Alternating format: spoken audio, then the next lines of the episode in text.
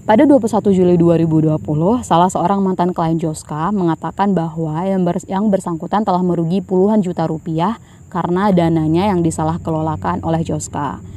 Tidak hanya satu orang, tapi setelah itu mulai banyak bermunculan korban-korban Joska yang lainnya. Mereka mengatakan bahwa investasinya memiliki salah kelola investasi itu memiliki pola yang sama, yaitu pihak Joska melibatkan anak perusahaannya yaitu PT Amarta Investa untuk mengelola RDI klien dengan membelikan saham LUCK. Lalu SWI Satgas Satgas Waspada Investasi Indonesia menanggapi kasus ini dengan mengundang Joska untuk meminta klarifikasi. Nah, hasil keputusan dari SWI dengan Joska adalah SWI menghentikan semua kegiatan operasional Joska karena tidak memiliki izin. Karena tidak memiliki izin untuk mengelola dana nasabah atau klien. Ada beberapa hal yang janggal dari kejadian ini.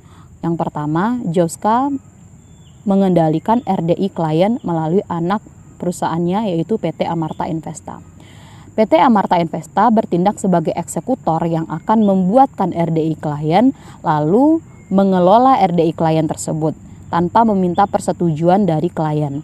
Jadi PT Amarta Investa akan melakukan investasi dengan uang klien tanpa meminta persetujuan saham seperti apa yang saham seperti apa yang eh, klien mau untuk investasi di situ kayak gitu. Jadi misalnya yang terjadi adalah PT Amarta Investa langsung mengeksekusi mau membeli saham ini, membeli, mau membeli saham itu.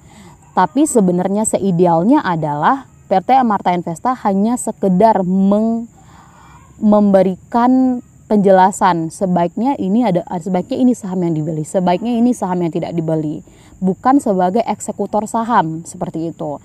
Di situ sudah mulai terlihat kejanggalannya.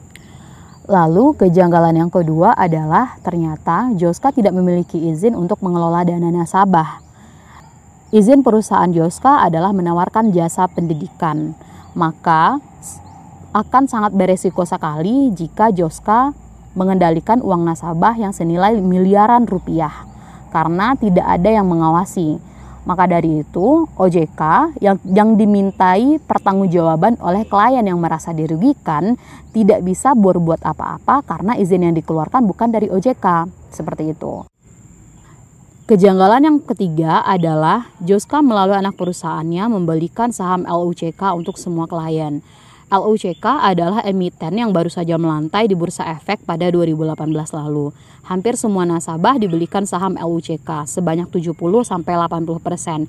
Hingga banyak nasabah yang mengalami kerugian pada saham ini karena membeli dengan harga tinggi lalu harga terjun bebas. Joska tidak memiliki pertimbangan khusus atau atas pembelian saham LUCK ini. Founder Joska, Akar Arbiasa pada klarifikasinya hanya menyebutkan pada saat itu memang saham LUCK ini sedang upstream. Menurut hemat saya, Joska harusnya paham tujuan investasi dari klien itu apa. Apakah untuk jangka pendek atau panjang? Karena pastinya kebutuhan setiap klien itu berbeda. Untuk jangka panjang, semestinya Joska melakukan analisis fundamental dengan menghitung rasio-rasio keuangan untuk menentukan apakah perusahaan ini layak untuk diinvestasikan dalam jangka panjang. Untuk jangka pendek, baru menggunakan market price. Namun meskipun demikian dalam kasus ini karena LUCK baru IPO, harusnya Joska tetap melakukan analisis fundamental untuk mengurangi resiko yang terjadi di masa depan. Di sisi lain sebetulnya harga saham ini sebetulnya sangat-sangat fluktuatif secara signifikan. Jadi naik nah jadi naiknya sangat signifikan dan turunnya pun juga signifikan sekali seperti itu. Dan yang paling penting adalah jika Joska memang punya kepentingan untuk melindungi investasi klien, maka Joska tidak akan invest di perusahaan yang bahkan sahamnya tidak dapat diprediksi dan cenderung beresiko seperti LUCK. Dan menurut hemat saya juga, Joska pasti punya alasan khusus memilih, memilih LUCK sebagai investi. Berdasarkan analisa salah satu pengguna Twitter yang turut mengomentari soal ini, mengatakan bahwasanya ada dugaan AA atau Vandar Joska mempunyai hubungan khusus dengan LUCK atau AA dicurigai melakukan investasi dengan banyak nomini di LUCK sehingga harga saham melonjak drastis. dan AA melepas pada saat harga tinggi. Artinya AA melakukan bandar harga saham yang jelas-jelas melanggar undang-undang pasar modal. Namun hal ini hanya bisa dipastikan dengan cara melihat histori jual beli saham LUCK dan datanya hanya bisa diperoleh melalui KSEI dan PT LUCK sendiri. Data yang konfidensial ini hanya bisa diakses oleh pihak yang berkepentingan sehingga dugaan ini belum bisa dibuktikan. Jika terbukti AA memang bermain di saham ini, berarti AA telah melanggar undang-undang pasar modal.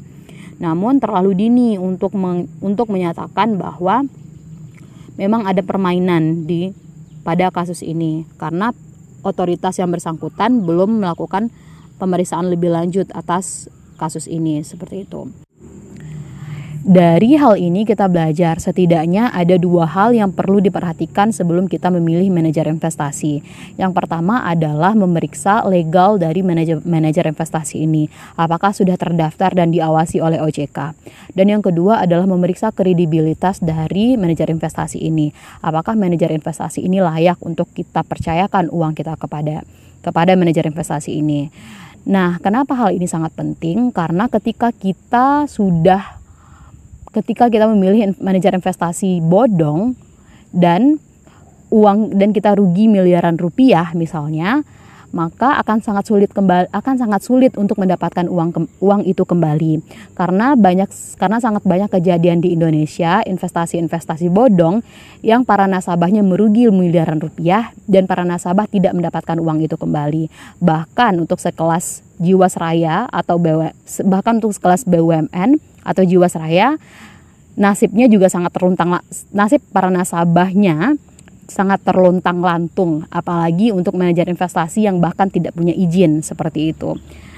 Banyak sekali kasus-kasus yang tidak berakhir ke mana-mana yang nasib para nasabahnya bahkan ketika sudah ketika sudah menjalani proses hukum namun mereka tidak bisa mendapatkan dana namun mereka tidak bisa mendapatkan dana mereka kembali seperti itu